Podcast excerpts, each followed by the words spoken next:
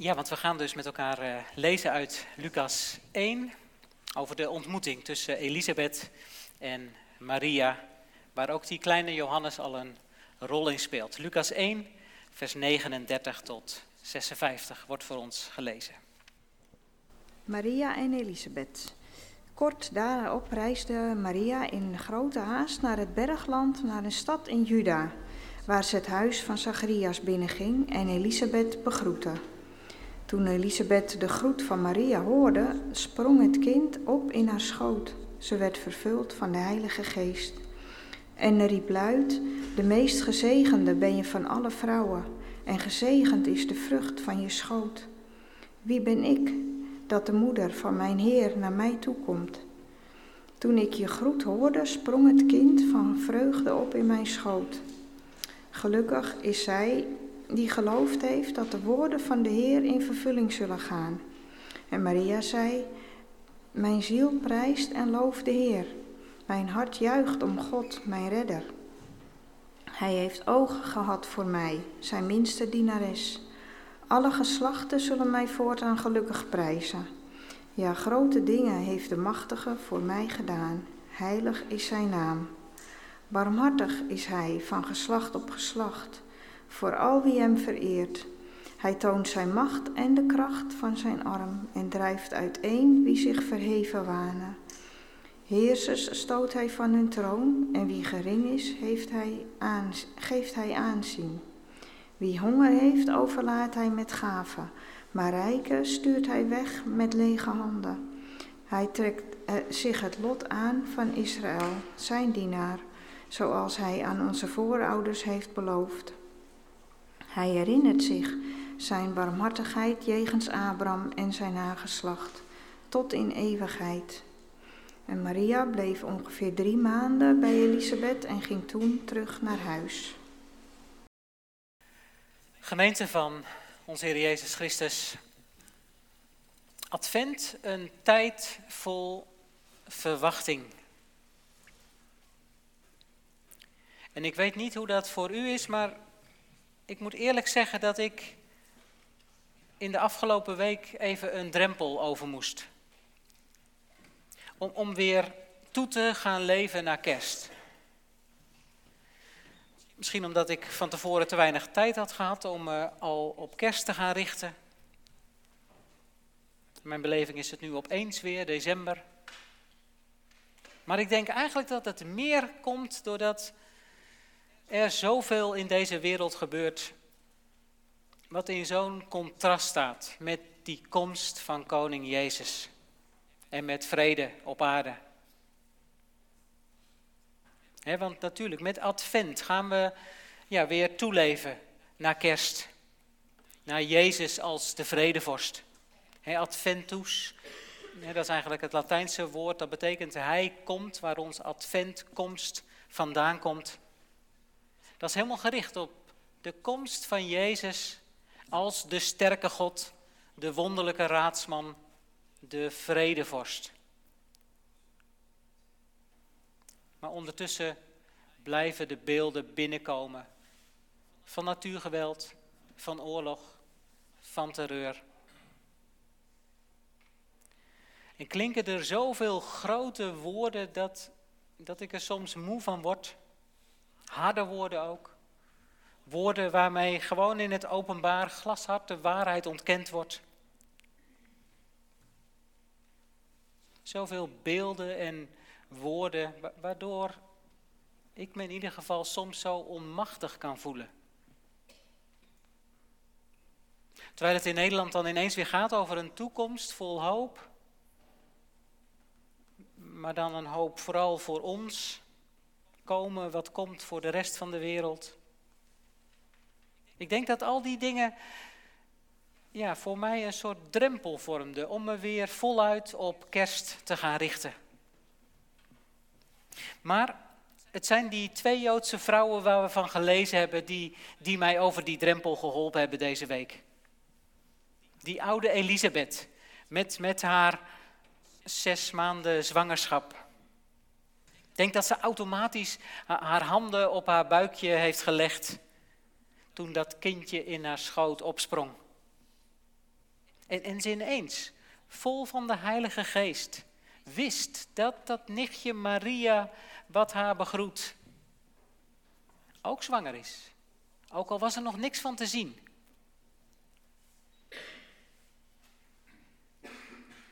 En, en die jonge Maria, die, die toch begint te zingen over God, haar redder. Over God door wie ze zich gezien voelt. God die het opneemt voor zijn volk. Ze, ze jubelt over God, zoals haar naamgenoot uit het verre verleden, Miriam, jubelde over de redding toen het volk door de Rode Zee trok. Elisabeth en, Maria, twee vrouwen die, die vol van de geest het uitjubelen. Vol verwachting, omdat ze vol zijn van Adventus, van Hem die komt. Ik, ik denk dat Maria nog zo ongeveer niks van die zwangerschap gevoeld zal hebben. Maar allebei die vrouwen weten het, het heel diep. Vanuit hun hele wezen. E-, Elisabeth zelfs vanuit haar baarmoeder. Waar, die kleine Johannes het meeweet. God gaat komen. Die trouwe herder uit Psalm 80.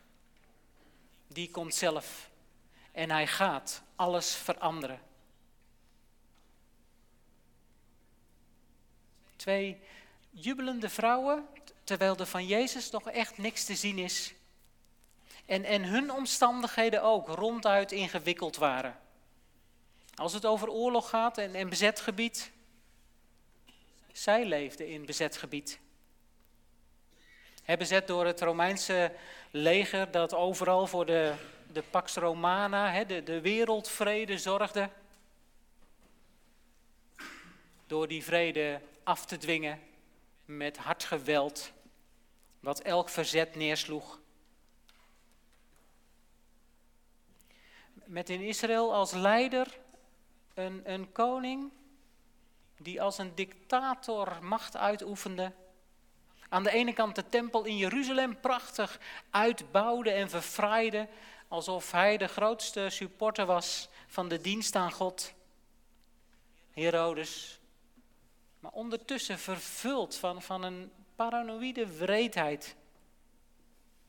Die, die niet veel later zou leiden tot de kindermoord in Bethlehem. Waarbij een hele bevolking machteloos heeft toegekeken hoe kindjes vermoord werden. De wereld zag er toen echt niet veel beter uit dan nu. En, en ook voor deze vrouwen persoonlijk niet. Tenminste, wat we weten van Elisabeth is dat ze het niet makkelijk heeft gehad. Eerder in Lucas 1, in, in vers 24, daar staat dat toen ze op haar hoge leeftijd zwanger werd, dat ze vijf maanden in afzondering leefde. Ze trok zich terug en in een periode waarin ze tegen zichzelf zei, de Heer heeft zich mijn lot aangetrokken. Hij heeft dit gedaan opdat de mensen mij niet langer verachten. Blijkbaar heeft ze dat zo gevoeld. Ik, ik stel me zo voor de, de blikken van andere vrouwen. Van die blikken die je niet rechtstreeks aankijken, maar, maar eerst zo zijdelings naar haar buik. Joh, ben je, ben je nog niet zwanger? Ach, wil het maar niet lukken bij jullie? Elisabeth heeft het ervaren als, als blikken die haar vernederden. Ogen die, die haar naar beneden keken, om, omdat zij niet voldeed aan het ideaal van de Oosterse vrouw. Van de gelovige Joodse vrouw ook. Voor wie een zwangerschap de zegen van God was.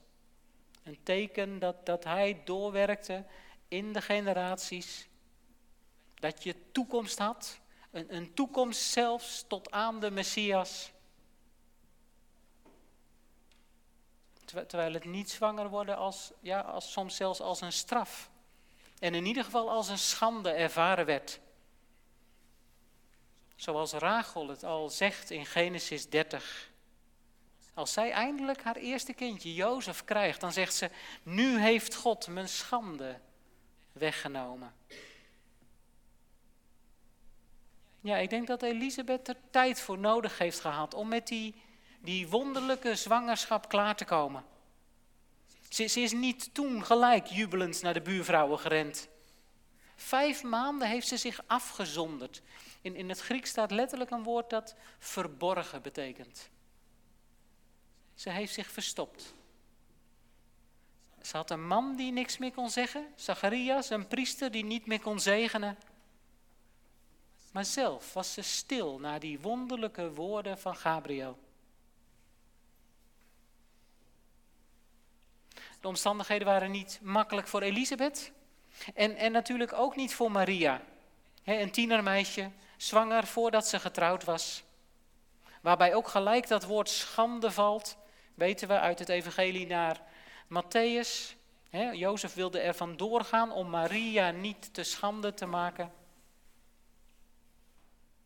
Over, over haar zal ongetwijfeld schande gesproken gaan worden. Zit hier wel een, een verschil in die, die oude en, en die jonge nicht. Elisabeth lijkt vooral bezig met, met haar eigen schande. Met die leegte in haar leven, die, die wonderlijk gevuld wordt door God. Maria is bezig met een andere schande. Niet zozeer van, van haar persoonlijk, dat zou niet zo gek geweest zijn.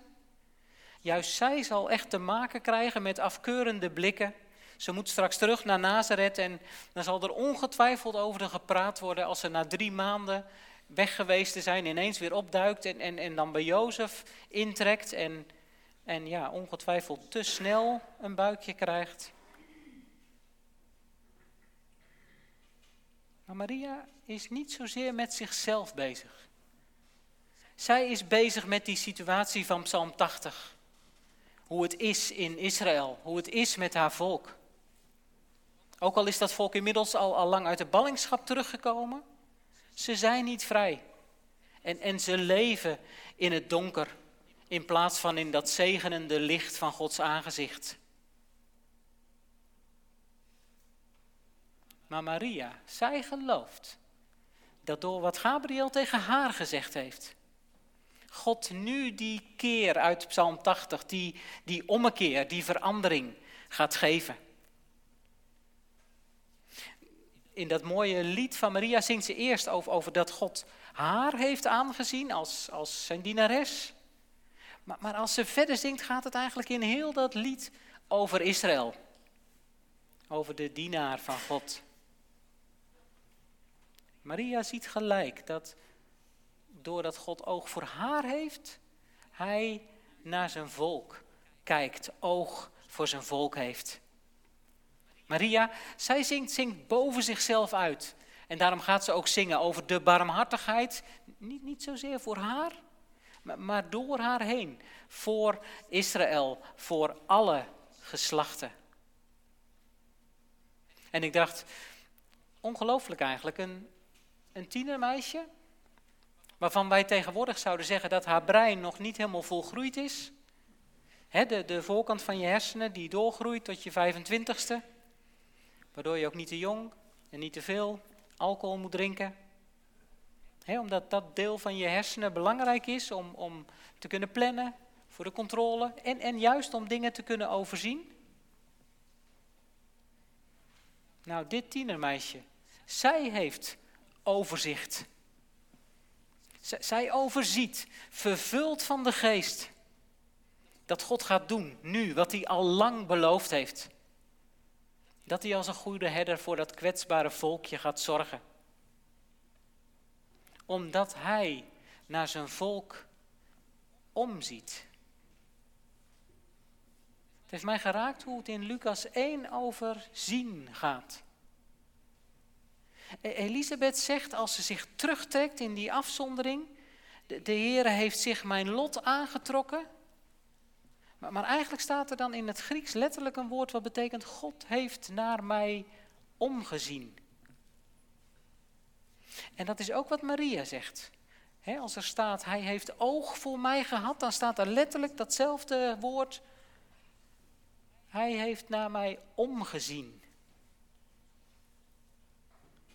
Beide vrouwen weten zich gezien door God. En, en worden zieners met een profetische blik. Ziet Elisabeth, Elisabeth opeens dat dat jonge nichtje van haar ja, niet zomaar zwanger is, maar, maar de moeder van haar Heer is. En Maria ziet hoe in haar lichaam, waar verder nog niks van te zien is of te voelen is, ze, ze ziet dat daar de beloofde redder van Israël groeit. En, en dat is wel bijzonder, want dat omzien van God, dat komt in het Oude Testament eigenlijk best vaak voor. En, en in het Hebreeuws wordt er dan één woord gebruikt wat twee betekenissen kan hebben. De betekenis van straffen en, en de betekenis van, van goed gezind zijn. Van, van echt omzien naar en, en opnemen voor. Er zijn momenten, en dat weten we vanuit het Oude Testament, dat God als die herder omziet naar zijn volk en zegt, waar zijn jullie nou gebleven? Dan is het een herder die, die af en toe een flinke tik moet uitdelen om, om zijn kudde weer dicht bij zich te houden. Maar datzelfde Hebreeuwse woord voor omzien betekent ook opnemen voor. En, en zo komt het heel vaak voor in het Oude Testament, dat God dan juist omziet naar zijn volk, als naar van die schapen die afgedwaald zijn. En, en die die nodig op moet zoeken om ze er weer bij te halen. Zo, zo ziet God in het Oude Testament ook opvallend vaak vrouwen. Ik dacht dat is goed om even bij stil te staan vanmorgen. Bijvoorbeeld bij Hagar, die, die dienares van Abraham.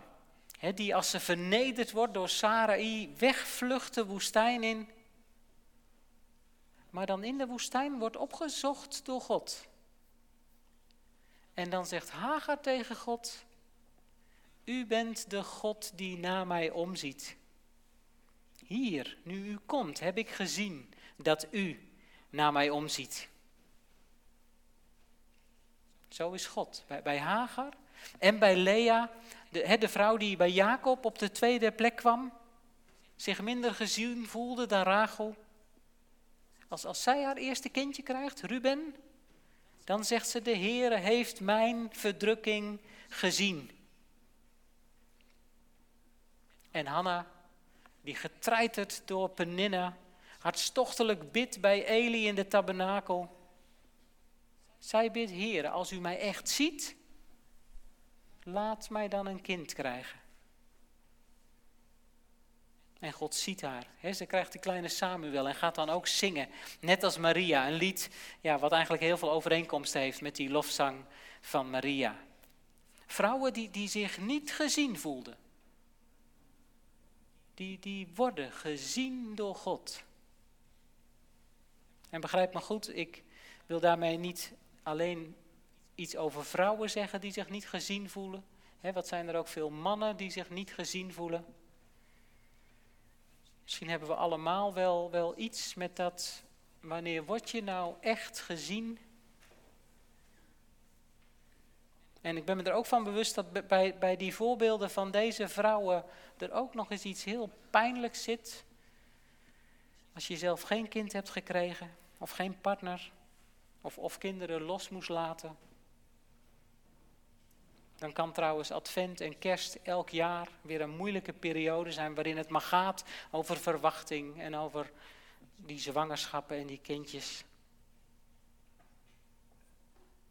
Maar maar door deze voorbeelden valt het wel extra op ja, hoe Maria ziet. Elisabeth past heel goed in die rij van al die Joodse vrouwen die zich door God gezien voelden op het moment dat ze zwanger werden. Maar Maria ziet meer. Maria ziet dat God door haar omziet naar zijn volk. Dat hij nu echt zelf gaat komen. Dat het licht van zijn aangezicht zal oplichten. Dat haar kind Jezus komt. En dat hij zal zien. Elk mens die hij ontmoet, werkelijk zal zien. Met ogen vol barmhartigheid.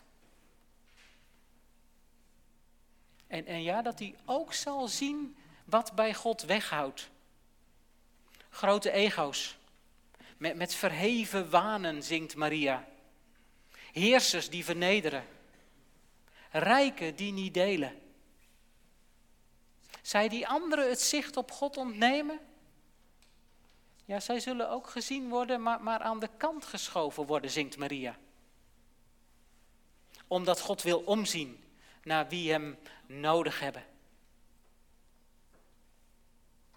Zo, zo zingt Maria als een ziener over, ja, over die Jezus die nog helemaal moet komen. En, en met wat ik nu over Maria zeg, wil ik Elisabeth niet tekort doen. zij, zij, mag dan eerst met haar eigen schande bezig zijn, maar, maar vervolgens ziet ze wat er bij Maria is, vervuld van de geest, zegent ze haar en de vrucht van haar schoot.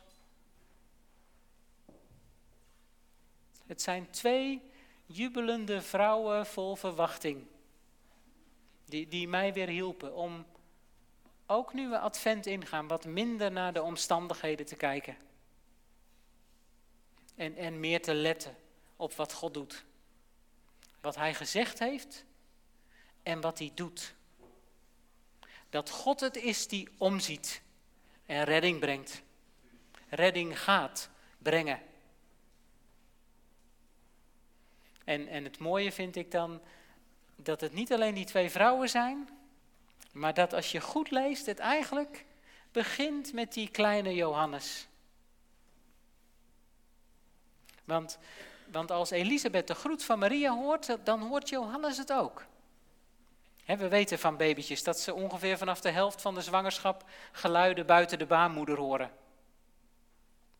Maar hier gebeurt echt wel iets heel bijzonders. Want, want die kleine Johannes in de baarmoeder, die, die schiet overeind. Alsof die hoort dat, dat, dat de moeder van zijn Heer eraan komt. Alsof die klaar staat om de koning, waar hij de heraut van zal zijn, te gaan dienen. Ja, en, en ik denk dat je dat alsof dan wel weg kan laten. Natuurlijk bewegen babytjes vaker in de baarmoeder. Maar hier staat nadrukkelijk dat Elisabeth vervuld wordt van de Heilige Geest als ze die Johannes voelt opspringen.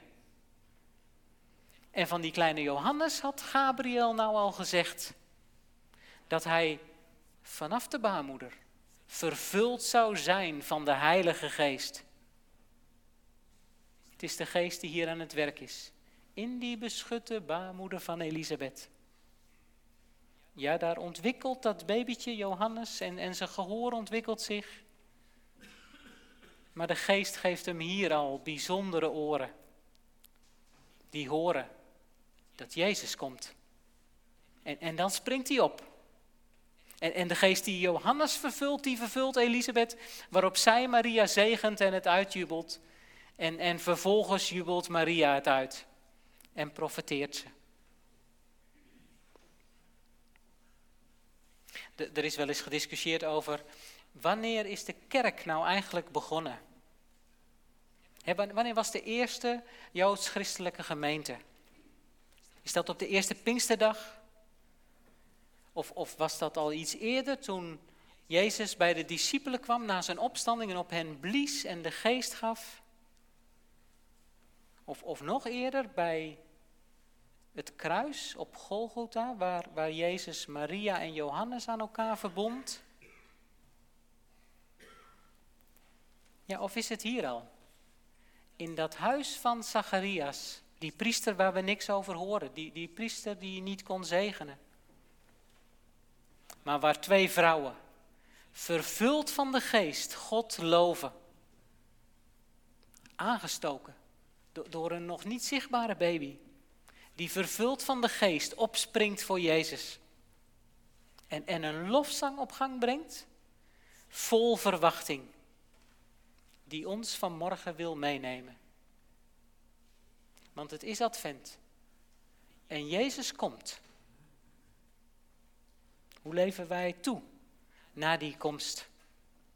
Zijn wij zo vol van de geest dat, dat we zullen opspringen op het moment dat het geluid van de shofar klinkt?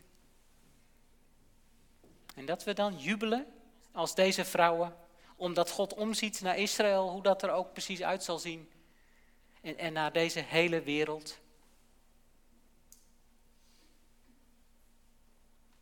Gaan we de adventstijd in, zo vol verwachting? Of, of zitten wij ergens ook nog vol met, met die verheven wanen? Met ons eigen ego? Of, of met de zorg om het behoud van onze rijkdom? Ik zou zeggen, maak dan ruimte voor Jezus. Voordat Hij dat soort dingen aan de kant schuift als Hij komt. Luister naar deze vrouwen en, en naar die kleine Johannes. Hoor hoe de geest hen vult. Vult met verwachting. Om in de nacht van strijd en zorgen die er is, omhoog te kijken. Biddend om een nieuwe morgen. Om die toekomst vol van hoop. Ook al zijn er duizend vragen. Al begrijpen we God vaak niet. Hij blijft met liefde dragen. Hij is het die alles overziet. Hij geeft een toekomst vol van hoop. Dat heeft Hij beloofd. Niemand anders, Hij alleen, leidt ons door dit leven heen. Amen.